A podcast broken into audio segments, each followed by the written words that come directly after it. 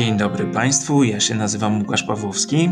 Ja nazywam się Piotr Tarczyński i zapraszamy na 122 odcinek podcastu amerykańskiego.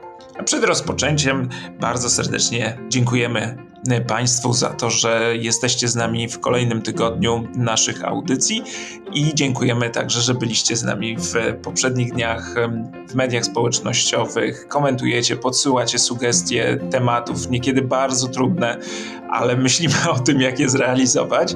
E, no i dziękujemy też tym z Państwa, którzy są z nami w serwisie Patronite i wspierają podcast amerykański. Piotr jak zwykle skompilował listę osób, które doszły do nas, e, dołączyły do nas w tym tygodniu i im dziękujemy szczególnie. Są to Piotr, Ania, Patryk, Karolina i Piotr. Bardzo dziękujemy, to dzięki Wam powstają kolejne odcinki podcastu amerykańskiego. Dziękujemy też za Wasze sugestie, bo dzisiejszy odcinek jest właśnie e, efektem takiej prośby. Prosiliście w mailach i nas w komentarzach o szersze wyjaśnienie sprawy kongresmena George'a Santosa. I jemu właśnie poświęcamy dzisiejszy odcinek. Odcinek o największym oszuście, jaki kiedykolwiek zasiadł w Izbie Reprezentantów. Zastanowimy się, jakim cudem udało mu się zajść tak daleko, czy miał jakichś poprzedników, podobnych do niego fantastów, yy, którzy wymyślali fakty ze swojego CV. No i co się z nim stanie i co nam to mówi o amerykańskiej polityce, że takie osoby jak George Santos trafiają do kongresu.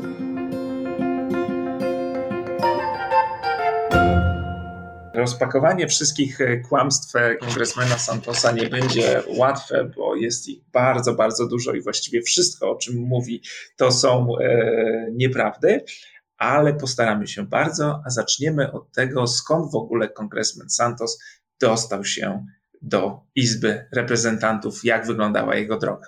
George Santos reprezentuje okręg y, numer 3 stanu Nowy Jork. To jest y, okręg, który obejmuje północne wybrzeże Long Island, czyli przedmieścia y, miasta Nowy Jork, wschodnie przedmieścia. To jest ta, jak sama nazwa wskazuje, długa wyspa, która ciągnie się od Queensu na stronę Atlantyku. Mm, no i ten okręg to jest y, taki okręg, który zaczyna się jeszcze w Nowym Jorku, na obrzeżach właśnie dzielnicy Queens, a potem to są takie niekończące się suburbia, mm, przedmieścia, między innymi to takie słynne Levittown, czy jedno ze słynnych Levittown, o którym mówiliśmy w odcinku o suburbanizacji. E, jest tam też Oyster Bay, taka modna okolica, w której e, bogata, w której stoi dawny dom Theodora Roosevelta, jest to w ogóle najbogatszy okręg w całym Nowym Jorku, warto zauważyć, i czwarty najbogatszy okręg w kraju. Czyli to jest, e, proszę Państwa, enklawa bogatych ludzi. Mieszka tam na przykład Sean Hannity, ten trybun ludowy z Fox News, właśnie tam. I generalnie to jest taki okręg, który głosuje na demokratów w wyborach prezydenckich. Jak sobie Państwo popatrzycie, to głosowali na Obamę, na Hillary Clinton, na Bidena, no ale do kongresu to już bywa różnie. Biden wygrał w tym okręgu przewagą 8 punktów procentowych, także tak. dość wyraźnie. Tak jest, ale równocześnie w 2022 roku kandydat demokratów przegrał o 8 punktów procentowych również z kandydatem republikanów George'em Santosem. I był to, co ciekawe, jeden z zaledwie 18 okręgów wyborczych, które w 2020 roku zagłosowały na Bidena, a dwa lata później wybrały do kongresu republikanina. No i Oto wybrano George'a Santosa, tylko pytanie brzmi, czy rzeczywiście wybrano jego. Czy człowiek, który zasiada od 3 stycznia w kongresie, naprawdę nazywa się George Santos? No i kim tak naprawdę jest, bo opowiadał swoim wyborcom różne rzeczy, niewiele z nich jest prawdą. No właściwie wszystko, co powiedział, okazuje się w jakimś stopniu przynajmniej nieprawdziwe. Wszystko zaczęło się od tego, że w grudniu 2022 roku New York Times napisał taki artykuł Kim jest George Santos? Ale zwróćmy uwagę, że to już jest po wyborach. I w tym artykule wymieniono listę rzeczy z jego biografii, które nie znajdują potwierdzenia w faktach. No i to właściwie otwarło tamę, bo od miesiąca właściwie nie ma takiego dnia, żeby nie pojawiły się jakieś nowe informacje na temat tego, o czym skłamał Santos, co wymyślił, co jest nieprawdą, jakie ma nowe kompromitujące rzeczy z przeszłości. No ta lista jest bardzo, bardzo długa, ale spróbujemy ją Państwu teraz przedstawić. A mówi się o nim dosłownie wszędzie, nie tylko w mediach takich poważnych, ale też wszedł szturmem do komedii wieczornych w Stanach Zjednoczonych, czyli programów satyrycznych różnego rodzaju. Był i w Saturday Night Live i codziennie śmieje się z niego Stephen Colbert i zyskał niesamowitą rozpoznawalność. Oczywiście pewnie nie o taką rozpoznawalność by mu chodziło, ale widziałem sondaże, które mówią, że jest bardziej rozpoznawalny niż tacy ludzie jak e, Jim Jordan czy Steve Scalise, a więc liderzy partii republikańskiej w Izbie Reprezentantów. No to przejdźmy do tego, o czym skłamał George Santos lub Anthony DeVolder, ponieważ też nie jesteśmy pewni, czy George Santos naprawdę nazywa się George Santos. Albo Antoni Zabrowski, bo takim e, nazwiskiem także się posługiwał. Znany był również jako Anthony D. No ale dobrze, po kolei. Wykształcenia.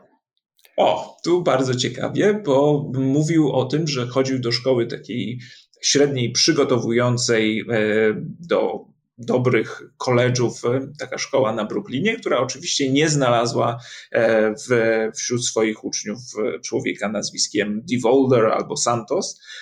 Później mówił, że chodził do prestiżowego Baruch College, również nie ma tam e, śladu po jego obecności. No i Uniwersytet Nowojorski także nic o nim nie wie, a w tym Baruch College, proszę Państwa, nie tylko, że chodził, ale był też gwiazdą.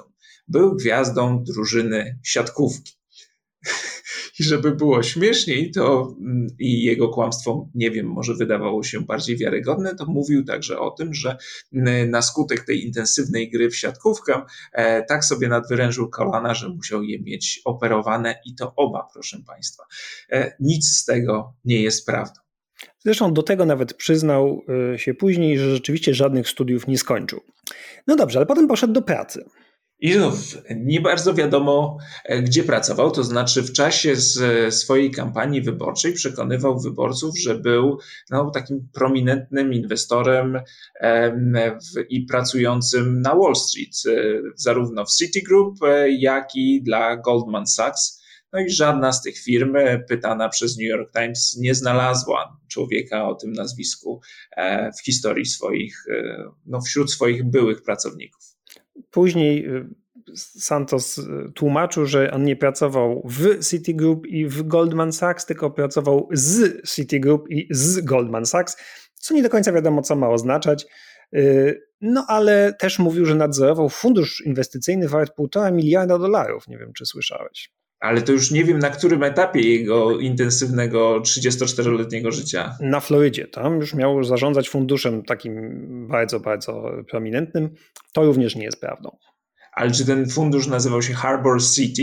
Tak, to chodzi o tę firmę, bo w, na Florydzie pracował także dla firmy, która nazywała się Harbor City, była takim funduszem inwestycyjnym.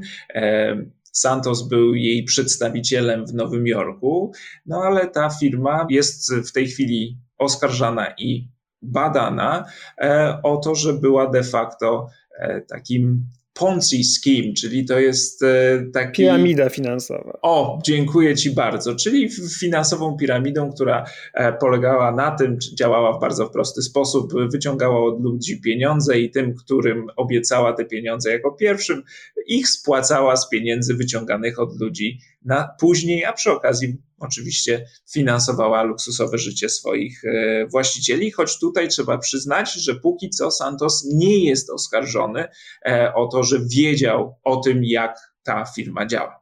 E, twierdził też, że pracownicy jego firmy zginęli w Orlando w strzelaninie w klubie Pulse.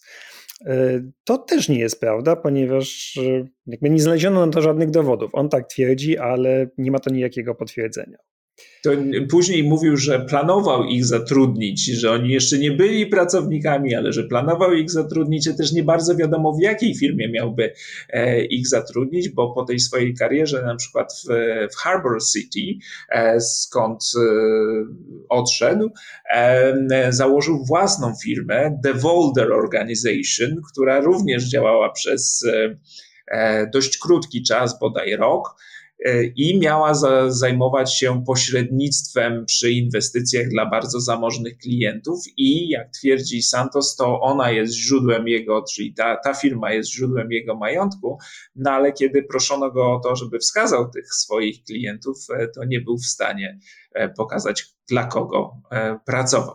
Strzelanina w Orlando to nie jest jedyna tragedia, jaka dotknęła George'a Santosa, dlatego że y, w zamachu 11 września zginęła jego matka, Fatima de Volder bo De Volder to jest nazwisko jego matki. Problem polega na tym, że Fatima De Volder w 2001 roku przebywała w Brazylii, a nie w Stanach Zjednoczonych, a umarła wiele lat później. No i tutaj Santosowi się ta wersja zmieniała. Najpierw było, że matka zginęła 11 września, później, że zmarła w wyniku chorób, które nabyła 11 września y, niewiele później, a potem się okazało, że umarła parę lat temu. Tak, e, a te informacje o tym, że była w tym czasie w Brazylii, no, są potwierdzane e, jej aplikacją o wizę do Stanów Zjednoczonych, którą składała bodaj w 2003 roku i na, której, na, której to, na którym to wniosku zapewniała, że nie była w Stanach Zjednoczonych w, w tym okresie, w którym być musiała, jeżeli faktycznie miała ponieść jakieś konsekwencje ataku z 11 września. Mało tego, Santos e, oferował nam różne E, wizję historii swojej rodzinnej i z jednej strony wiemy, że jego mama pracowała jako to taka pomoc domowa, sprzątaczka, kucharka e, i też byli znajomi e, Santosa mówią, że nie mówiła po angielsku, ale były też wersje e, promowane przez kongresmena, że była bodaj pierwszą kobietą dyrektorem w jakiejś ważnej finansowej instytucji. Bo Santos raz mówił, że miał ciężko finansowo, a raz przedstawiał się jako bardzo zamożny człowiek i że i to kolejna sprawa, nie bardzo wiadomo skąd ma pieniądze.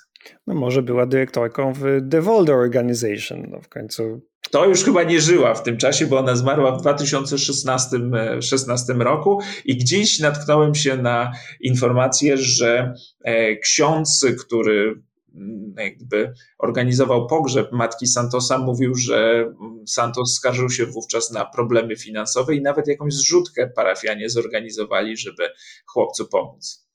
Y, zrzutki finansowe to też jest jedna z specjalności George'a Santosa. Y, wiemy, że zbierał pieniądze na zwierzątka, ponieważ los zwierząt jest dla Santosa bardzo ważny i urządził zbiórkę internetową na umierającego psa, który należał do pewnego weterana. Tylko, że ta zbiórka odbywała się pod fałszywym nazwiskiem, pod nazwiskiem Antony Zabrowski, ponieważ tutaj wiemy skądinąd, Santos tłumaczył, że to jest żydowskie nazwisko, a Żydzi dadzą więcej pieniędzy. W związku z tym lepiej nie nazywać się Santos ani De Volder, tylko Zabrowski. A proszę, no. to ja widzisz, tego nie wiedziałem. Problem polegał na tym, że kasę zebrał wszakże te 3000 dolarów, ale nie oddał tych pieniędzy weteranowi, zamknął zbiórkę, pieniądze schował do kieszeni, a później przestał odpowiadać na wiadomości no, naprawdę trudno wymyślić bardziej kompromitujące historie, ale rzeczywiście weteran e, w, w mediach znaczy przedstawia taką wersję e, historii. Mówi o tym, że miał e, suczkę, która miała jakiś nowotwór, trzeba go było wyciąć. Są nawet zdjęcia tego, tego psa, ale po tym jak Santos zebrał te 3000 dolarów, które były potrzebne na operację, to jakoś doszli do, doszedł do przekonania, że ta suczka się nie nadaje, żeby ją operować, że to już jest y, za późno i że on te pieniądze, tak mówił temu weteranowi, przekaże na inne potrzebujące zwierzęta. Ale skoro już mówimy o pomocy zwierzętom, no to Santos nie pomagał, proszę Państwa, tak jednorazowo, tylko trwale przez wiele miesięcy, a może nawet lat, już nie pamiętam, e, miał mm, organizację, która miała wspierać zwierzęta i była to organizacja, taka powiedzmy organizacja pożytku publicznego, zwolniona z podatków, no ale znów amerykański Urząd Skarbowy nie jest w stanie tej organizacji u siebie e, zlokalizować, żeby takowa funkcjonowała. Ona się chyba nazywała Pets United. George Santos y, w pewnym momencie doszedł do wniosku również, że, jest, że sam jest Żydem. I w kampanii wyborczej tej ostatniej przedstawiał się jako dumny amerykański Żyd. Y, opowiadał, że jego dziadkowie przeżyli Holokaust, że uciekli, przeżyli Holokaust i uciekli do Brazylii, tam przez Belgię najpierw. No, no, problem polega na tym, że nie ma na to żadnych dowodów i wydaje się, że wszyscy dziadkowie jednak urodzili się w Brazylii. Mm, potem znowu z tego tłumaczył, że to tak nie do końca, bo on nigdy nie mówił, że jest Jewish, tylko, to już chyba mówiliśmy w którymś odcinku wcześniejszych, tylko że on jest Jewish, że właśnie jest taki żydowaty, ponieważ ma jakieś tam korzenie żydowskie i to tylko z tego wynika. Mm, no ale co ciekawe, on tę swoją tożsamość żydowską odkrył bardzo, bardzo późno bo zaczął się nią chwalić dopiero w kampanii 2022 roku, kiedy okazało się, że wszyscy jego konkurenci z Partii Demokratycznej, konkurenci do nominacji demokratycznej y, są żydowskiego pochodzenia. W związku z tym on postanowił nie być gorszy i też y, zaczął się przedstawiać jako dumny amerykański Żyd, chociaż wcześniej, jak y, pokazują jego historia, na przykład w czasie kampanii 2020 roku, bo Santos kandydował wcześniej, o czym Państwu jeszcze powiemy, do tego się nie przyznawał i to wtedy Wtedy jeszcze nie był Żydem. Dopiero później został tym Antonym Zabrowskim bądź y, Devolderem Santosem. Ja znalazłem też wypowiedź dla Fox News e, Santosa z 2022 roku, z początku, już po wybuchu wojny w Ukrainie, e, w którym mówił, że Biden powinien być bardziej zdecydowany, że ośmielił Rosję, że nie pomaga dostatecznie Ukrainie i że jest mu ciężko trochę na sercu, no bo chociaż on sam no, w Ukrainie nie był, no ale pochodzi stamtąd e, rodzinnie. E, i dzięki temu ma jak gdyby taką większą legitymizację do tego, żeby mówić ostro e, i występować przeciwko takiej zbyt biernej i łagodnej polityce Joe Bidena. Ale poza tym, że George Santos ma żydowskie korzenie, jak twierdzi, to na pewnym etapie twierdził też, że jest z rodziny wielorasowej, bo jego ojciec był z Angolii i że on sam jest person of color. Tylko, że też nie ma na to żadnego dowodu, że y, ojciec Santosa jest Angolczykiem. Y, no i to twierdzenie było tylko przez bardzo krótki czas y, na tapecie. Później zniknęło. No ale i taki etap w życiu Santosa, bycia wielorasową osobą, też był. Inna ciekawostka, Santos jest gejem, a przynajmniej tak twierdzi. Twierdzi, I znów... że ma męża, ale nie ma żadnego dowodu na to więc partnera ma, ale jednocześnie, o czym, czym się nie chwalił, e, wiemy, że był w związku małżeńskim z kobietą przez ładnych kilka lat i to oczywiście nie jest, y, nie byłoby samo w sobie niczym może kompromitującym. No nie, ty gdyby... też masz żonę w końcu. No to tak. nie jest tak. kompromitujące. No tak, tylko że Santos jednocześnie e, twierdził, że nigdy nie miał problemów ze swoją seksualnością, zawsze był e, z tym ok. No a okazało się, że przez kilka lat był w związku małżeńskim z kobietą. No, czy tak do końca nie ma z tym problemu, to nie wiadomo, dlatego że jest jedna rzecz, której George Santos się wypiera. To jest rzadkie, bo przeważnie George Santos, jak widzimy, głównie chwali się tym, co robił, a nie zaprzecza. Ale jest jedna rzecz, której rzeczywiście zaprzecza bardzo stanowczo, a przynajmniej zaprzeczał, to znaczy, że występował jako drag queen. Ponieważ wyszły zdjęcia z Brazylii, które pokazują kogoś, kto wygląda no, bardzo podobnie do Santosa i programy komputerowe, które to analizowały, znalazły tam podobieństwo rzędu 90 paru procent. Jest to drag queen Kitara Ravage. No i yy, też znajomi Santosa z Brazylii z dawnych czasów mówią, że owszem, był drag queen, niespecjalnie jakąś może e, wybitną, i, ale próbował swoich sił na tej scenie. Mm, no tylko, że no i są zdjęcia i nawet filmiki, tylko, że teraz Santos zaprzecza. Twierdzi, że absolutnie nigdy że czegoś takiego nie robił. A dlaczego tak zaprzecza? No bo jego partia, Partia Republikańska, jest na wojnie z drag queens, jak wiemy, w Teksasie y, zwłaszcza, ale nie tylko. Jest to jeden z ulubionych tutaj tematów Partii Republikańskiej ostatnio.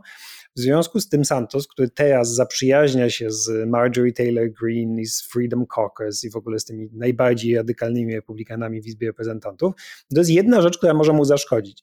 Widzicie Państwo, kradzież pieniędzy dla pieska to nie jest problem. Marjorie Taylor Greene dalej się będzie z państwem przyjaźnić.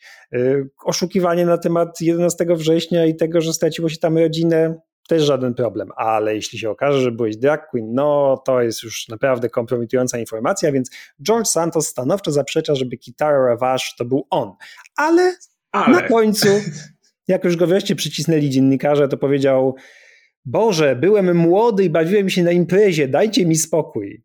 No czyli chyba jednak był Kitarą Ravage, w czym oczywiście nie ma niczego złego. Jestem wielkim fanem drag queen, no ale nie jestem fanem George'a Santosa. Ja niestety nie umiem się wypowiedzieć na temat jakości drag queen, bo nie bardzo rozumiem, jak się mierzy jakość drag queen, czy ktoś jest dobry, czy zły, ale... Zobaczyłbyś Tara Ravage, to byś wiedział, że nie, nie Nie no, widziałem, no nie wiem, no dude looks like a lady, no i to tyle. No, nie, ja, ja, nie wiem, co to znaczy być dobrym i złym drag queen, czy złą drag queen, przepraszam, ale George Santos e, podczas e, tego wywiadu, a właściwie takiego pościgu dziennikarzy, zanim na lotnisku LaGuardia w końcu się do tego przyznał, bo tak też zwykle wyglądają wywiady z George'em Santosem w tej chwili, że on gdzieś biegnie, a dziennikarze e, albo czekają pod jego biurem, on im przynosi kanapki i pączki, e, albo i potem oczywiście chowa się w biurze, albo jak go ktoś złapie na ulicy, ulicy, e, to, to za nim biegnie lub na korytarzu i on kilka słów e, jest w stanie e, z niego wy, wydusić taki dziennikarz. No ale porządnych wywiadów mieliśmy kilka, w których no, nie wypadał Santos najlepiej, mimo że chodził do mediów, które są mu przyjazne. Kariera sceniczna Santosa to jeszcze jest, ma jeszcze jeden etap, mianowicie odkryto jego hasło w Wikipedii, którego już nie ma Aha. Które zrobił ktoś, użytkownik Wikipedii, który nazywał się Anthony DeVolder, e, a później inne wariacje tego samego użytkownika. I tam można przeczytać, że po pierwsze, rzeczywiście był drag queen i to wielokrotnie nagradzaną, jak czytamy, a także występował w filmach. Występował w Hannah Montanie podobno, ale także w jakichś filmach z Umą Thurman, gdzie jakąś prominentną rolę miał zagrać.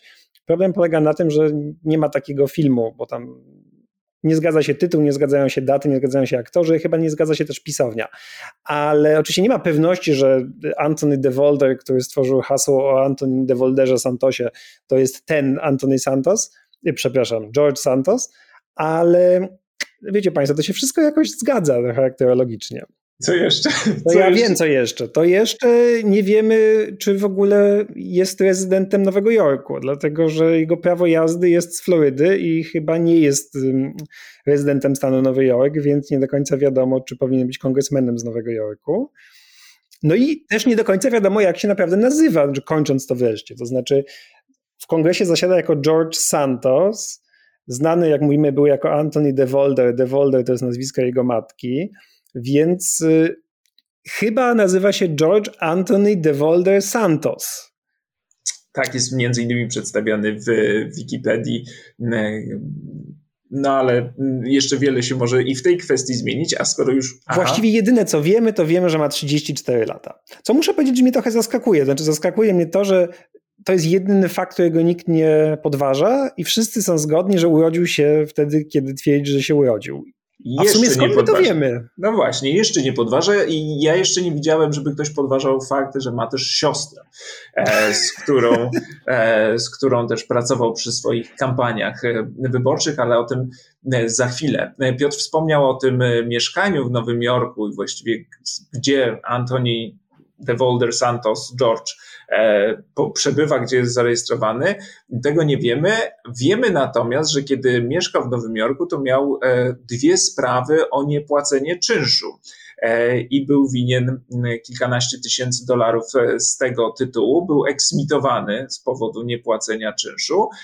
Miał sprawę, w czasie której pod przysięgą zeznał, że został napadnięty, kiedy już szedł zapłacić właścicielce ale no nie udało mu się tej należności uiścić, a jednocześnie wiemy, że ten biedny George Santos, który w 2020 roku, kiedy startował po raz pierwszy na kongresmena, e, mówił, że jedyny jego zarobek to 55 tysięcy dolarów rocznie i nie ma żadnego majątku, już dwa lata później był wart, i tutaj szacunki się różnią, ale nawet 11 milionów dolarów i w zależności od wypowiedzi mówił o tym, że jego rodzina ma 13 nieruchomości w Nowym Nowym Jorku, że ma jakieś nieruchomości w Rio de Janeiro. No generalnie bardzo bogaty człowiek.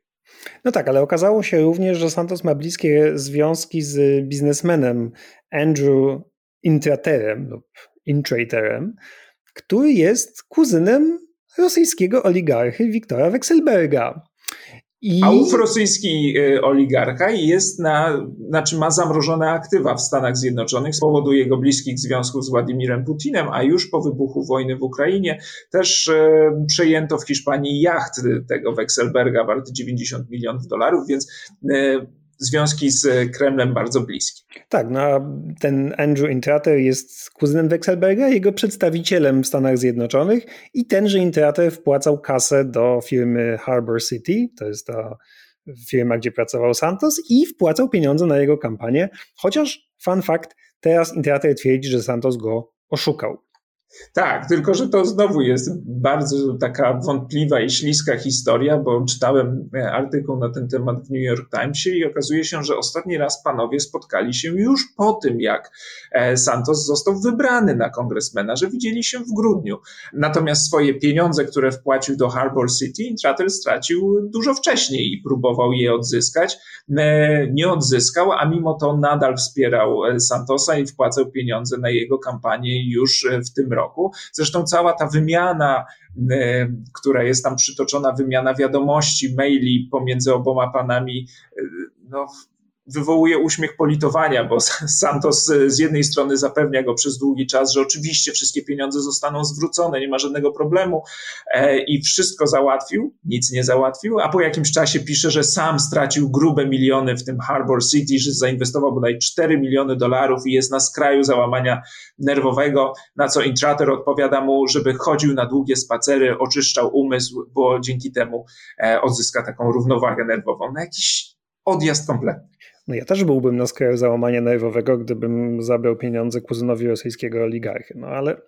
Ale to, to, grosze były, to było 650 tysięcy dolarów, które Intrater tam wpłacił. A to spoko. No dobrze, to opowiedzieliśmy Państwu o kłamstwach Santosa.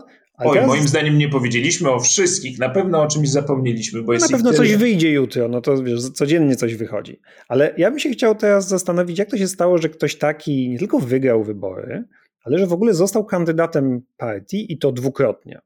Jak to jest, że przy tym słynnym szukaniu brudów na oponentów politycznych, które w Stanach jest tak znakomicie rozwinięte, rzekomo, jakim cudem demokraci nie zdemaskowali Santosa wcześniej? Dlaczego media tego wcześniej nie ujawniły?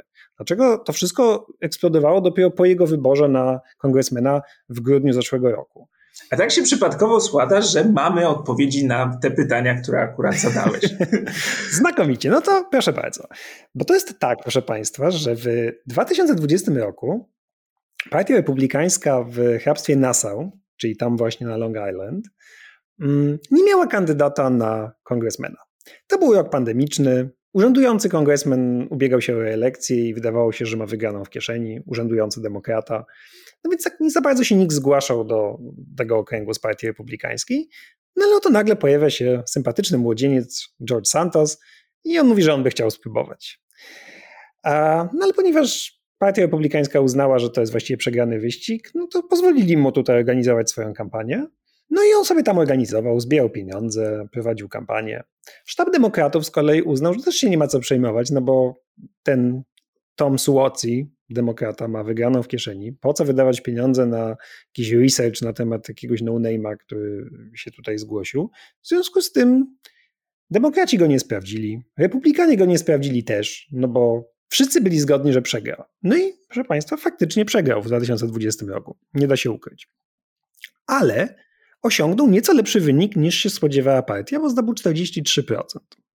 Tylko, że tutaj jeszcze dodałbym jedną rzecz, e, kiedy Piotr mówi, że dlaczego demokraci nie chcieli robić e, researchu w roku 2020, to oczywiście chodziło o to, żeby e, nie wydawać pieniędzy na kogoś, kto mm, kto raczej nie ma szans na zwycięstwo, ale mało tego, oni uważali, że jeżeli zrobią research i wyciągną jakieś brudy na jego temat, to mogą mu nawet pomóc, bo mm, zasuflują te informacje do, do prasy, no i dzięki temu Santos zyska lepszą rozpoznawalność, bo ludzie w ogóle dowiedzą się o jego istnieniu, więc lepiej tego gościa w ogóle przemilczeć. No gdyby wiedzieli, jak wiele można odkopać o Santosie, to może by się, może by zdanie zmienili. No ale wiesz, akurat ja rozumiem, że oni nie kopali y, pod Santosem w 2020 roku. Pytanie, dlaczego dwa lata później tego nie zrobiono? I dlaczego Santos znowu został kandydatem Partii Republikańskiej w tym okręgu? Chociaż to miał być rok y, wielkiego sukcesu republikańskiego, przypominamy, wybory w połowie kadencji, czyli znacznie bezpieczniej niż w 2020. By tutaj na pewno zgłosiłby się jakiś lepszy republikanin z tego okręgu. Ale George Santos został uznany przez Partię Republikańską z tego okręgu za no, sprawdzonego kandydata, no bo to jest gość, który już próbował, wyszło mu nie najgorzej, wynik miał lepszy niż się spodziewano, zebrał trochę więcej kasy niż się spodziewano. Wprawdzie z tym zbieraniem kasy to tam już nie było, bo tam też były pewne nieprawidłowości i on trochę zawyżał te kwoty, które rzekomo pozyskał, no ale uznano, że to jest już sprawdzony kandydat. A w dodatku, dodajmy, Partia Republikańska postanowiła stawiać na różnorodnych kandydatów, no bo chodziło o to, że nie jesteśmy wcale partią starych białych mężczyzn, a tutaj nagle pojawia się George Santos, stosunkowo młody, urodzony w Brazylii, otwarty gej, no więc jakby na starcie dostał za to punkty z tej puli różnorodności. Z tym urodzeniem w Brazylii to znowu nie jest pewne do końca, bo nie wiemy dokładnie, gdzie George Santos się urodził, czy on jest urodzony w Brazylii, czy już w Stanach Zjednoczonych. On sam różnie na ten temat e, mówił. To jest zresztą jedna z takich kwestii podnoszonych, czy on w ogóle, e, znaczy, jaki jest jego status, jeżeli chodzi o obywatelstwo i jego historia rodzinna, tego do końca także nie wiadomo. No dobrze, on jest brazylijskiego pochodzenia, więc w każdym razie y, te punkty za różnorodność miał. No więc to w 2022 roku y, było plusem u republikanów, ale nawet dziś wiemy, że wśród części działaczy Partii Republikańskiej istniało pewne podejrzenie, że coś z tym Santosem jest nie tak. No bo normalną praktyką jest nie tylko to, że się sprawdza oponentów politycznych, się za to, na to wydaje pieniądze, robi się tak zwany OPPO research, opposition research, czyli pracownicy kampanii tworzą taką księgę na temat konkurenta, wszystko, co może być użyte przeciwko niemu, a potem wyżsi rangą pracownicy kampanii ją sobie redagują, odsiewają te rzeczy, które są kompletnie nieistotne od tego, co się może przydać. Tak się robi przeciwko oponentom, ale tak się też robi przeciwko swoim własnym kandydatom. Tak jest. Chodzi o to, żeby znaleźć słabości z wyprzedzeniem. Znaleźć słabości w historii kandydata, e, które mogą zostać wykorzystane przeciwko niemu przez jego przeciwników. Czyli to jest takie, taki krok wyprzedzający. No i szuka się jakichś kompromitujących wypowiedzi, sprawdza historię zatrudnienia, pochodzenie, stosunki rodzinne, no wszystko, co w kampanii można użyć e, przeciwko kandydatowi. Y, no i jak ludzie Santosa zrobili taki research w 2022 roku. No to, to był zaczął... koniec 2021, ale kampania. Ale przed wyborami na 22. Tak I w... zaczęły im wychodzić różne rzeczy, no, które się nie zgadzały. Y, do tego kompromitujące, że sami wyzwali go do ustąpienia z wyścigu. Czyli jego własny sztab powiedział George albo Anthony. tak się nie da. A on powiedział, że nie, owszem, coś tam się nie zgadza, ale on nie zamierza rezygnować. Efekt był taki, że jego ludzie odeszli z kampanii, zatrudnił nowych, Mm, ale... skąd wziął tych nowych, powiedzmy Państwu? Skąd wziął tych nowych? Otóż pomóc, pomógł mu w zatrudnianiu e, tych nowych bliski współpracownik Elis Stefanik, czyli kongresmenki republikańskiej z Nowego Jorku i jednej z najważniejszych obecnie republikanek wspierającej Trumpa, która zajęła stanowisko kongresmenki Liz Cheney po tym, jak e, Cheney została wypluta przez partię republikańską za krytykę Donalda Trumpa. Miała też wsparcie takiego klubu New York Young Republicans. To jest y, to nie jest do końca młodzieżówka, ale to jest taka pro-Trumpowa organizacja nowojorska, mm, gromadząca no właśnie młodych lub stosunkowo młodych republikanów. No więc y, Santos miał ludzi nowych, miał pieniądze, które został na kampanię na przykład od tego Intratera plus oczywiście swoje multimiliony, które zarobił w Devolder Organization. Y, natomiast rzeczywiście republikańska gazeta z Long Island y, odmówiła mu poparcia, właśnie dlatego, że nie zgadzały się niektóre rzeczy. No, przede wszystkim nie zgadzały się finanse. Ta gazeta pytała, jak to jest możliwe, że facet, który był e, wyrzucany z mieszkań za niepłacenie czynszu i sam w zeznaniu w sprawozdaniu finansowym przy kampanii w 2020 roku mówił, że zarabia 55 tysięcy dolarów rocznie i to jest wszystko, co ma. Jak ten sam facet dwa lata później znów sam siebie wycenia na nawet 11 milionów dolarów. Tak, ale jak to jest jeszcze możliwe, że równocześnie ten sam facet mówi, że on ma dom za kilka milionów w Oyster Bay, czyli w tej właśnie modnej części Long Island, i ma willę w Hamptons, czyli to już jest w ogóle szczyt bogactwa, E, a równocześnie jeździ Nissanem i mieszka ze współlokatorami na Queensie. Tak by tu się nic nie zgadza, ale bardzo mi się podoba rozmowa z jednym działaczem republikańskim z Long Island, który mówi, No, no bo George Santos y, mówił z taką dużą pewnością siebie, opowiadał o swoich pieniądzach, tutaj rzucał właśnie tutaj tam dom, tam dom, taki samochód, śmaki samochód i wszyscy, cytuję, uznali, że to jakiś chłopak z bogatej rodziny, który ma dużo kasy i nie wie, co ze sobą zrobić, więc postanowił wystartować w wyborach do Izby Reprezentantów. I to jest, proszę Państwa, uznane jako zupełnie legit. To znaczy, to jest właśnie taki człowiek, jakiego szukamy. Nic o nim nie wiemy, no ale ma dużo pieniędzy, chłopak z bogatej rodziny, coś chce ze sobą zrobić. Dobra, to brzmi jak osoba, którą powinniśmy e, wziąć jako swojego kandydata do kongresu. No tak na zachętę, no, za zajęcie pierwszego miejsca wystartuje do kongresu. Tak to trochę brzmi. Ale niesamowite jest też to, że republikanie mieli sygnały ostrzegawcze nie tylko w tej, e, z tej e, lokalnej gazety, nawiasem mówiąc tutaj... Plus od tych dawnych ludzi Santosa, którzy mówili, że tu się coś nie zgadza z ich dawnym szefem. Tak, dodajmy też, że to nie była jakaś lewacka gazeta, tylko była to gazeta, że to jest gazeta republikańska, która ostatecznie poparła kandydata demokratów, pisząc, że woleliby poprzeć republikanina. Ja znalazłem też informację, że prowadzący tę gazetę jest republikaninem. Mało tego, startował z tej samej dzielnicy, próbował ubiegać się o miejsce e, w kongresie, mu się nie udało, więc to była republikańska gazeta, która chciała ostrzec republikanów przed ich własnym kandydatem. Ale czytałem też, że republikanie z Long Island trochę liczyli na to, że demokraci wyciągną to wszystko za nich i zrobią za nich robotę. Problem polega na tym, że jak często partia demokratyczna nie stanęła na wysokości zadania. No bo y, Democratic Congressional Campaign Committee, czyli taka właśnie organizacja partii demokratycznej zajmująca się wyścigiem wyborczym, Y, przygotowała raport na temat George'a Santosa. No bo to już I to kil, kilkadziesiąt bitych stron. Tak, tutaj czytałem, że 78 stron albo 87, no ale w każdym razie trochę tam tego było. Ale co jest ciekawe, w tym raporcie głównie się skupiają na tym, że Santos jest y, zbyt pro-Trumpowy, że brał udział w wiecu przed Kapitolem czy przed Białym Domem 6 stycznia, chociaż chyba nie zdobywał, nie szturmował Kapitolu, ale brał udział w tym wiecu. I w wiecu dzień wcześniej, że jest przeciwnikiem aborcji, że jest po prostu zbyt radykalnym kandydatem dla tej dzielnicy i skupiali się cały czas na tym, a te wszystkie inne rzeczy, które zwiastowały to, miało wyjść później, a są zbiorką na psa, a te eksmisje i tak dalej, nie pociągnięto tego w ogóle dalej i jak czytam, także z powodów finansowych. To znaczy uznano, że y, grzebanie dalej w życiorysie Santosa to się pewnie nie opłaci i nie będziemy tego robić. Tak, że kampania będzie, jeżeli chodzi o jego poparcie dla Trumpa, to będzie głównym tym e, motywem kampanii jego stanowiska w tych kontrowersyjnych sprawach, jak choćby prawo do przerywania ciąży, e, a nie jego nie on jako osoba.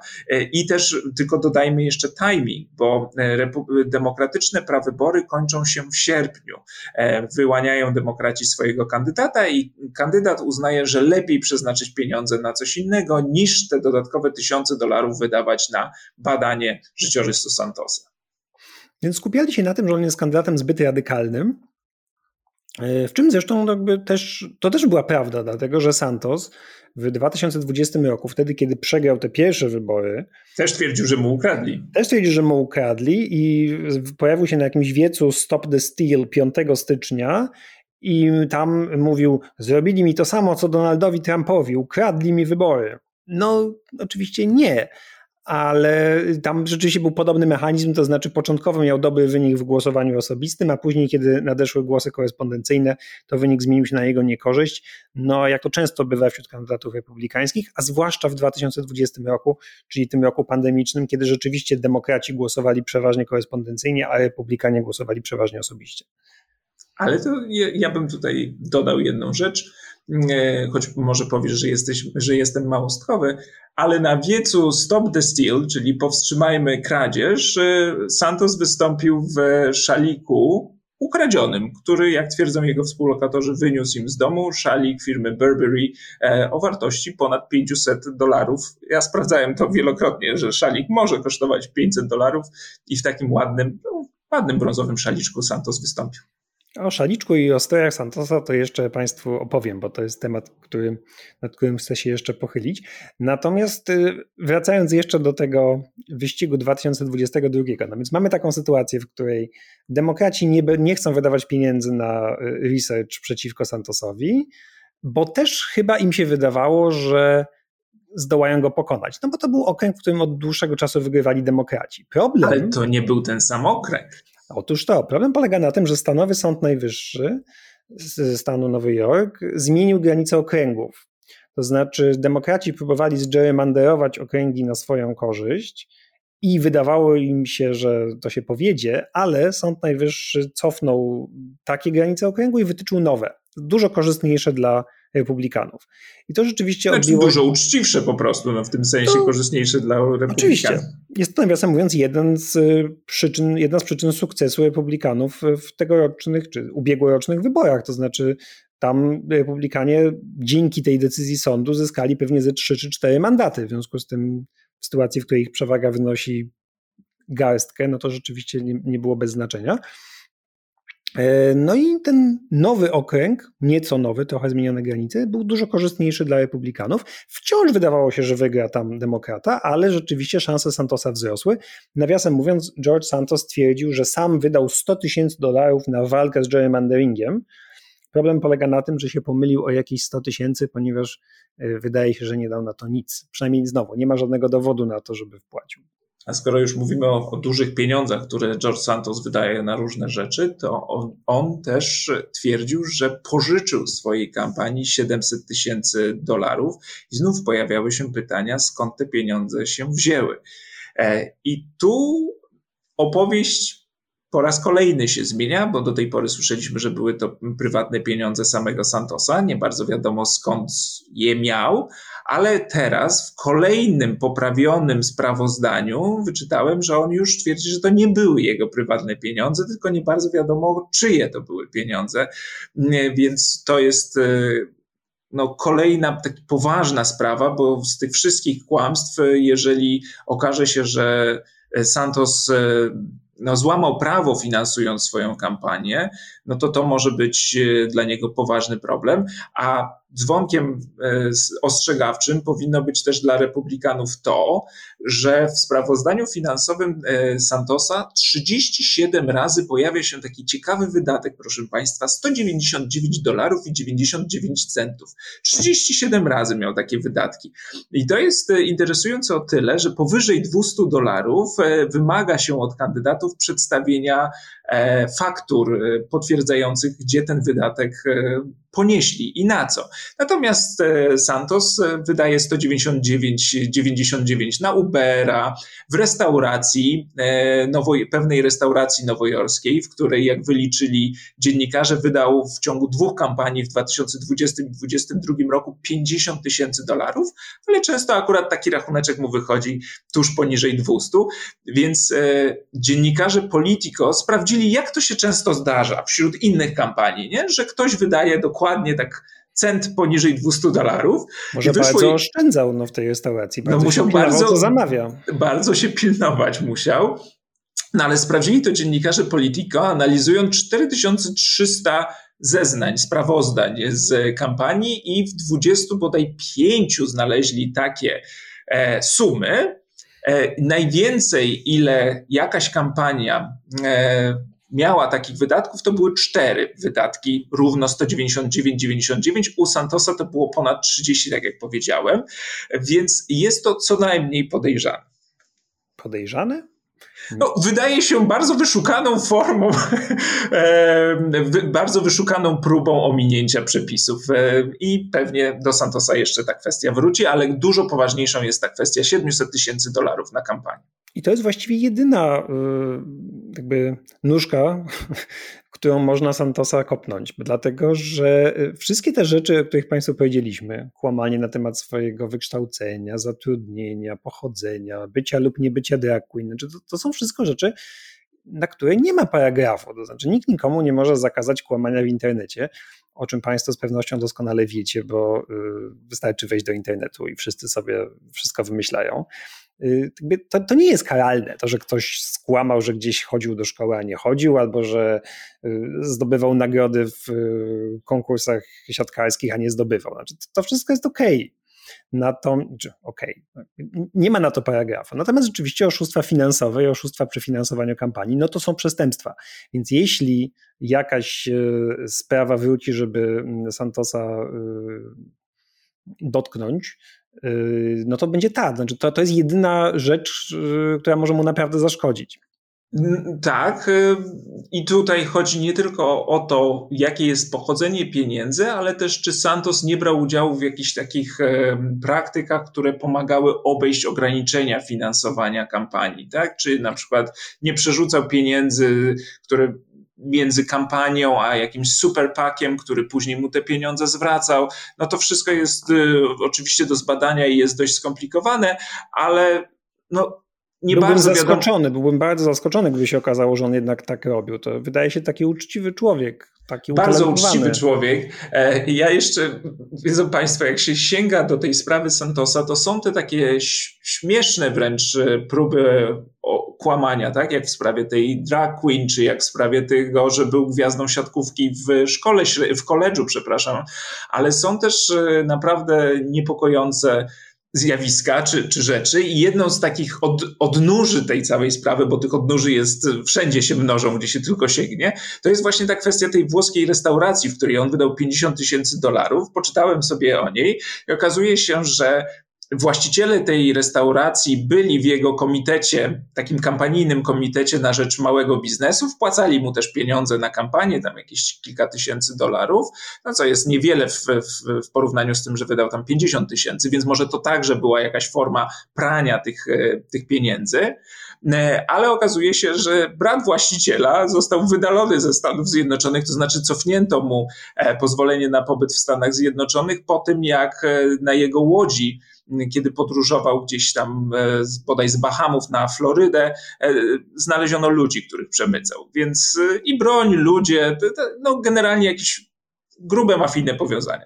Więc ja jestem absolutnie pewien, że powstanie film o Santosie albo serial, taki w typie Catch Me If You Can, albo jakiś film braci Coen. Znaczy to jest... A zresztą porównują go do tego pana z Catch Me If You Can. No oczywiście, że tak. No, porównują go do wielu różnych ludzi, do tego, że to jest, no, to jest naprawdę postać wymyślona, że on jest jak y, podwójnie nawet, bo on jest wymyślony, bo sam siebie wymyślił, a równocześnie jest jak rzeczywiście postać z filmu. No nie, ma taką bezczelność, z jaką on kłamie, to, konfabuluje, z jaką on wymyśla się na nowo. To jest na swój sposób imponujące, to trzeba przyznać. I tam są różne takie nawiązania literackie czy filmowe, jakbyś na to zauważył. Po pierwsze, ten człowiek z Catch Me If You Can, który, y, który właśnie podaje się za kogoś innego. On jest trochę jak utalentowany pan Ripley, o tym też się mówi. To znaczy, utalentowany pan Ripley, to się wszystko zaczyna od tego, że Ripley też oszust, który wymyśla swoją biografię, a przy okazji też zresztą gay, bez pytania pożycza marynarkę z Princeton od swojego współlokatora i od tego zaczyna się jego cała kariera. No więc i tutaj mamy Santosa, który kradnie szalik Burberry i który też kradnie rzeczy, biżuterię, ubrania i tak dalej, bo wszyscy to mówią, jego dawni współlokatorzy, przyjaciele, znajomi. A właśnie, to jeżeli mówimy już o kradzieżach, to jeszcze nie powiedzieliśmy Państwu, że Santos jest poszukiwany w Brazylii, bo przecież on ukradł e, książeczkę czekową e, od klienta swojej matki, która, tak jak mówiliśmy, była pomocą domową. Ukradł książeczkę czekową i miał e, za te czeki sfałszowane kupić sobie ubrania o wartości w przeliczeniu na dolary około 700 dolarów, więc sfałszował nie tylko czeki, ale także dokument tożsamości, w którym no, podawał się za właściciela tej książeczki czekowej i on się do tego przyznał, tylko wyjechał z Brazylii i nie brazylijskie władze nie były go w stanie zlokalizować, ale teraz wiemy, że mają tę sprawę otworzyć na nowo. A wracając jeszcze do Twojego nawiązania e, popkulturowego, to Santos także kradł elementy tożsamości ludzi wokół niego, bo ta opowieść o tym, że był gwiazdą siatkówki, to jest wzięta z biografii jednego z jego szefów w jednej z firm, w których pracował. To on grał w tę siatkówkę w tym Baruch College. No więc y, George Santos to jest utalentowany pan Ripley, rzeczywiście. Y, to jest też trochę taki Jay Gatsby, bo i tutaj nie wiem czy wiesz, ale okręg wyborczy, który reprezentuje George Santos, to jest ten okręg, w którym mieszkał Gatsby ze słynnej powieści Francisa Scotta Fitzgeralda. Jay Gatsby, czyli też bohater, który ukrywał swoją przeszłość, który wymyślił swoje nazwisko i który wymyślił się na nowo. To jest naprawdę wspaniała mieszanka i nie da się ukryć, że George DeVolder, Anthony Santos to jest. Y, Zabrowski. Zabrowski. To jest rzeczywiście no, materiał na, naprawdę na świetny film, na świetny serial i jakaś taka postać w ogóle par excellence amerykańska. Znaczy on jest rzeczywiście ultraamerykański, to we wszystkich komentarzach takich zagranicznych się pojawia. Widziałem to i w komentarzach brytyjskich i, i, i hiszpańskojęzycznych, że to jest taki kongresmen, na którego Ameryka zasługuje, bo on jest tak. naprawdę jak y, ucieleśnienie Ameryki. Land of Opportunity, proszę Państwa. Tak. E, ale... Od buta do milionera. A zresztą to był jeden z elementów, który też pojawia się w wypowiedziach ludzi przez niego oszukanych, tych wszystkich darczyńców partii republikańskiej, czy bogatych ludzi, których e, nacinał na pieniądze, że im to imponowało. Nie, ta, nie tylko ta jego pewność siebie, ale także to, że od tej, z tej biedy wyrósł na, na bogatego, czyli od buta do milionera. Oczywiście to dotyczy tylko tych, którym mówił, że był biedny, no bo innym mówił, że pochodzi z bogatej rodziny i ma te domy wszędzie w Nowym Jorku. No dobrze, to ja bym się chciał jeszcze zastanowić nad tym, czy Santos jest jakimś ewenementem, czy on naprawdę jest wyjątkową postacią, czy wymyślanie swojej biografii, czy podkoloryzowanie swojej biografii to jest rzeczywiście takie niespotykane zjawisko? Ja odpowiem, ja odpowiem. Proszę bardzo, Łukasz, odpowiedz nam. Nie, to jest zjawisko dość powszechne, tylko skala, e, w jakiej to zrobił e, Santos, jest absolutnie niespotykana, bo jeżeli e, ktoś do tej pory słucha i ziewa i mówi, a nie, to przecież nic nowego, każdy polityk kłamie i każdy polityk jakoś podrasowuje swoją biografię, no to pewnie ma rację, tylko nie robią tego aż w takiej skali, z takim natężeniem, jak to robił Santos. A jeżeli chcą Państwo poznać jakieś przykłady takich polityków znanych, którzy byli łapani na kłamstwie lub nieścisłościach, to mamy kilka przygotowanych. I co więcej, mam wrażenie, że to się kiedyś częściej zdarzało u demokratów, tak jak patrzeć na to historycznie. Jest na przykład senator Richard Blumenthal z Connecticut, wciąż urzędujący, który mówił y, i chwalił się tym, że służył w Wietnamie. Potem się okazało, że nie służył w Wietnamie, tylko w czasie wojny wietnamskiej służył w rezerwie na terenie Stanów Zjednoczonych. No czyli znowu, trochę skłamał, trochę nie. Był w wojsku w czasie wojny w Wietnamie. Tak, ale nie tam, gdzie twierdził. Przeprosił, dalej jest senatorem, jakby nic się z tym nie stało. Hillary Clinton, która opowiadała, nie wiem czy pamiętasz, że lądowała w Sarajewie jako pierwsza dama pod kulami snajperów, musiała chować głowę, yy, chyba z córką wtedy była i było super niebezpiecznie. Potem, to było w czasie kampanii 2008 roku, potem wyszedł film z tego jej przywitania na lotnisku w Sarajewie, nie ma żadnych snajperów, nikt nie strzela, po prostu dostaje kwiaty. Przeprosiła, no że rzeczywiście troszeczkę podkoloryzowała, troszeczkę przesadziła. No ja znam o Hillary Clinton jeszcze jedną opowieść. Otóż Hillary Clinton twierdziła, że jej imię, które jest pisane przez dwa L, e, co jest nietypowe, to imię pochodzi od Sir Edmunda Hillary'ego, czyli pierwszego zdobywcy Mount Everestu, a później e, niespecjalnie trudno sprawdzić, że Hillary wszedł na Mount Everest e, po tym, jak Hillary Clinton się urodziła, no i później Clinton musiała się z tej opowieści wycofać i powiedziała, że to była tylko taka taka legenda rodzinna i że mama jej to mówiła po to, żeby e, Hillary była ambitna i zawsze się wspinała na te szczyty. E, jak najwyżej się da. No tak, no, tak, Hillary Clinton to i tak nic w porównaniu z Billem Clintonem, prawda? Który kłamał często i dużo, no, zwłaszcza na temat Ale się nie zaciąga. romansu. Ja teraz o czym innym mówię.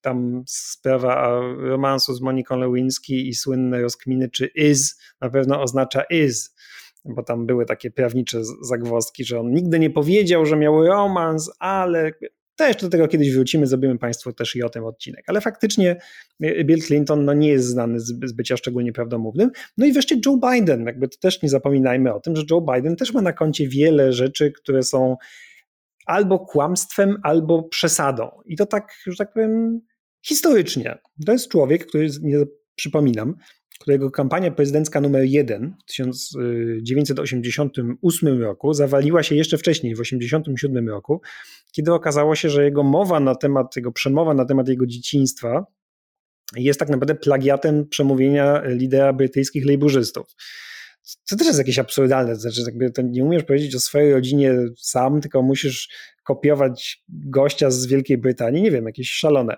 I to też nie jest pierwszy raz. Biden twierdził na przykład, że y, był y, liderem, czy tam jednym z najlepszych studentów na roku. Potem się okazało, że był 76 z 85. Okazało się, że na uczelni popełnił plagiat pracy zaliczeniowej, przeprosił opowiadał jakieś takie kocopoły o tym, że zaprzyjaźnił się z konduktorem e, Amtraku, czyli tej linii kolejowej. Bo tak często jeździł do I zapraszał go do domu na święta i coś tam, i coś tam. Potem się okazało, że to się znowu nie składa jakoś tam datami, bo ten człowiek umarł zanim, no, no ten, że go aresztowano w EPA na przykład, była też taka opowieść. Joe Biden mówił, że on jechał do EPA spotkać się z Mandelą y, w czasie apartheidu, ale został aresztowany. No potem się okazało, że wcale nie został aresztowany, tylko po prostu mu się nie pozwolili spotkać z Mandelą i tyle. No więc Joe Biden ma tego dużo, on sam twierdzi, że on trochę koloryzuje, kiedy jest zdenerwowany. Taką ma, mm, takie ma wyjaśnienie, ale więc oczywiście teraz trochę to widać, znaczy republikanie, zwłaszcza Fox News na przykład, y, mogą Państwo dużo tego teraz zobaczyć, że no faktycznie George Santos, no to rzeczywiście kłamie, no bo to już nawet nie da się tego tu zaprzeczyć, ale to jest dokładnie tak samo, jak robił Joe Biden i kłamstwa Santosa i kłamstwa Bidena to jest dokładnie to samo. Y, tu jeszcze na koniec George Santos jako kandydat na kongresmena mówił, że Joe Biden jest patologicznym kłamcą.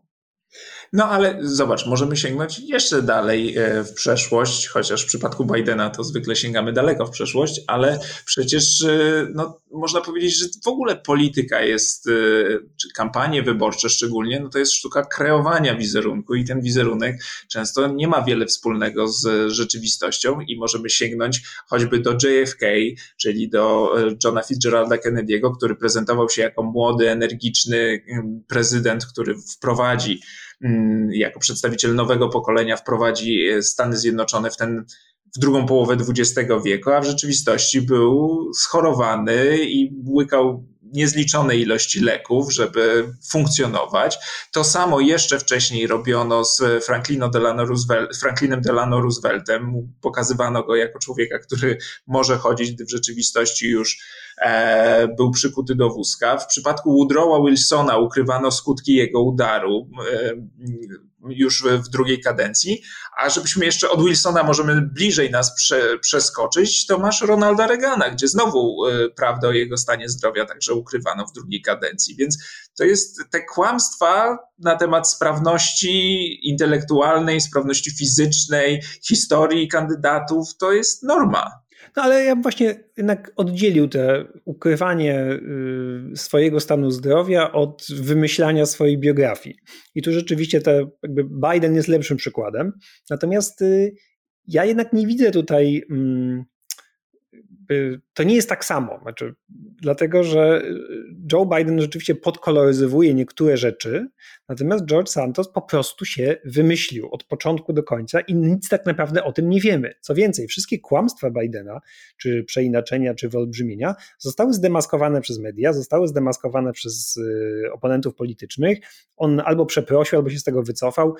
To wszystko zostało jakoś skontrolowane. Tymczasem w przypadku Santosa mamy no, kompletny blamasz właściwie wszystkich. Znaczy mamy blamasz tak, partii republikańskiej, która kogoś takiego wystawiła, mamy blamasz partii demokratycznej, która znowu ściboliła pieniądze i jakby nie zrobiła tego, co do niej należało i y, nie sprawdziła dobrze swojego oponenta. Mamy też blamasz mediów, no bo to, że jakaś jedna republikańska gazeta w, na Long Island coś tam napisała, to jeszcze jest za mało. Dlaczego New York Times opublikował taki artykuł w grudniu 2022, a nie w październiku 2022 roku? No, Dlaczego inne gazety się tym nie zajęły? No przecież Nowy Jork, to jest, tam jest dużo gazet. To prawda. No, New York Times jest, jakby nie było, gazetą lokalną, ma to w nazwie, więc powinien się kandydatem e, zainteresować. Ale tak, to ta sprawa też wywołała całą dyskusję na temat stanu amerykańskich mediów, zwłaszcza amerykańskich mediów e, lokalnych, tego, że tych mediów, e, że te media upadają, że ludzie żyją na tak zwanych pustyniach newsowych, gdzie tych mediów lokalnych nie ma i w związku z tym nie można teraz tych kandydatów w odpowiedni sposób kontrolować, no bo media ogólnokrajowe krajowe zajmują się dużo e, większymi nazwi nazwiskami e, i nie są w stanie e, sprawdzać tych na poziomie, na poziomie lokalnym, więc Santos sprowokował dyskusję o tym, czy nie należy jakoś wspomóc mediów lokalnych w Stanach Zjednoczonych. Moim zdaniem nic takiego się nie stanie, ale no, problem jest. To akurat miło, że George Santos przyczyni się do czegoś dobrego. Y, Natomiast y, jeszcze, żeby nie było, że teraz tylko jeździmy po tych demokratach i po y, Bidenie, który opowiada. Był jeszcze taki prezydent, rzeczy. który czasami mu się zdarzało kłamać z partii republikańskiej. To prawda, był taki, mm, który zawyżał wartości nieruchomości swoich, który oszukiwał y, pracowników i kontrahentów. To ten, co mu ukradli wybory, nie? To ten, co mu ukradli wybory. No właśnie, więc. Bo ja jednak mam wrażenie, że mm, partia republikańska to jest teraz, obecnie partia, w której kłamstwo ma się znacznie lepiej niż w partii demokratycznej. Mówiliśmy o tych przykładach demokratów, którzy wyolbrzymiali to czołowo wcześniej, ale jak Państwo popatrzycie nawet na ostatni cykl wyborczy, no to jakby Santos jest najlepszym tego oczywiście przykładem i najbardziej spektakularnym, ale nie jest jedyny. Mieliście, mieliśmy Herschela Walkera, kandydata w Georgii, który też wymyślał rzeczy na temat swojego CV. Mówił, że był agentem FBI na przykład. Chociażby. Mieliśmy doktora Oza, który był człowiekiem, który w ogóle jakby no jest szarlatanem i sprzedawcą fałszywek i który też mijał się z prawdą, chociażby, chociażby na temat tego, gdzie naprawdę mieszka. Był y, kandydat w Ohio J.R. Majewski, czy Majewski, który kłamał na temat swojej służby wojskowej. E, jeszcze wcześniej był Madison Cawthorn, czyli też wschodząca gwiazda partii republikańskiej, który też tam opowiadał różne rzeczy, że na temat swojej przeszłości, edukacji. Nie, on mu, tak jego takim głównym kłamstwem, które mu wyciągnięto było to, że e, on chciał być e, żołnierzem, chyba pójść do marynarki wojennej, ale z, z, powodu wypadku nie udało się, bo był po tym wypadku przykuty do wózka. Natomiast e, okazało się, że e, jego aplikację odrzucono wcześniej, jeszcze przed tym wypadkiem. No więc i, i, takich kandydatów naprawdę było sporo. No i rzeczywiście Donald Trump jest tutaj y, też, y, to jest liga sama w sobie. Człowiek, który rzeczywiście z kłamstwa uczynił swoją w ogóle główną broń. Znaczy to, to, że on ciągle kłamał jako prezydent, jako kandydat i teraz jako były prezydent, to jest jedno. To jest człowiek, który z kłamstwa o wyborach uczynił swój nowy mit założycielski, tak jakby stop the steal, ukradzione wybory i tak dalej. No i jakby pociągnął za tym całą czy znaczną większość partii republikańskiej. No przypominam, że 140 chyba 7 republikanów 6 stycznia zagłosowało, kongresmenów zagłosowało za kłamstwem, znaczy za podważeniem wyborów, które były uczciwe. I to jest rzeczywiście jakaś y, stała cecha partii republikańskiej, jak na to spojrzeć. Znaczy taka y, kiedyś kłamstwo to było, wiem, teraz zabrzmi jak straszny stary dziad, który będę mówił, że kiedyś to, proszę pana, było, kiedyś to wszystko było tańsze, lepsze i z drewna. No ale prawda jest taka, że kiedyś kłamstwo yy, było kompromitujące, mniej lub bardziej. Znaczy, trzeba było przynajmniej za nie przeprosić. Nawet jeśli nie było żadnych innych konsekwencji, to trzeba się było przyznać do kłamstwa.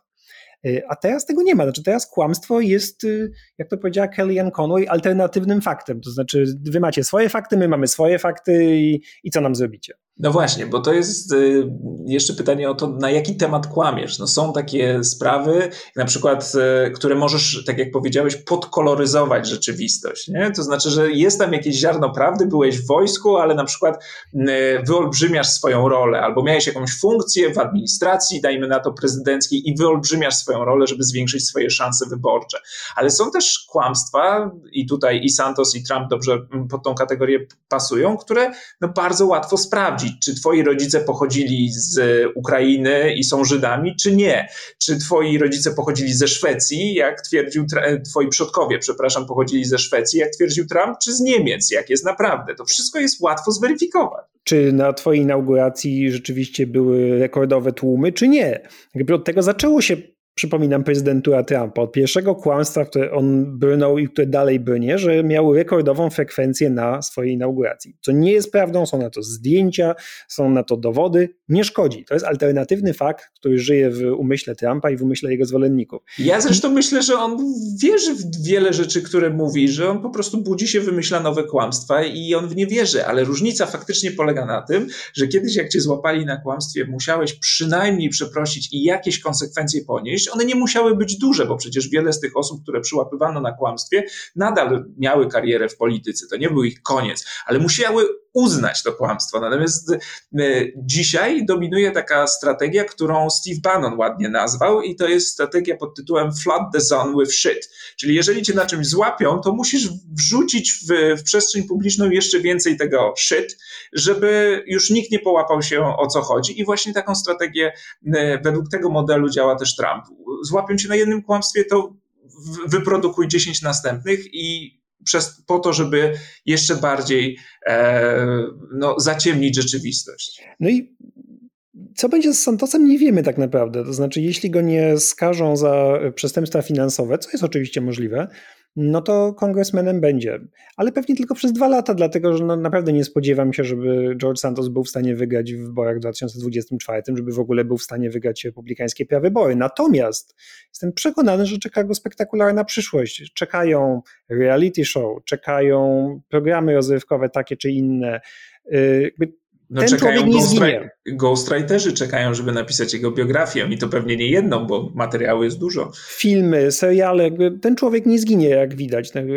Osiągnął tyle, mając 34 lata, przed nim jeszcze spektakularna kariera. No, chyba, że go rzeczywiście posadzą. A w tej chwili przed nim są właściwie trzy drogi, wydaje mi się. To znaczy, może go odwołać Izba Reprezentantów, pozbawić go miejsca, ale do tego potrzeba dwóch trzecich głosów, przynajmniej tak mówi Konstytucja, i tutaj mogliby to zrobić e, dość łatwo, gdyby te dwie trzecie głosów e, zebrali. I tutaj warto też e, powiedzieć, że ci kongresmeni z Nowego Jorku, republikańscy, którzy weszli do, kongre- do Izby Reprezentantów teraz, no to nawołują do tego, żeby Santos ustąpił. Zresztą jego lokalna partia republikańska, szefostwo tej partii także do tego nawołuje.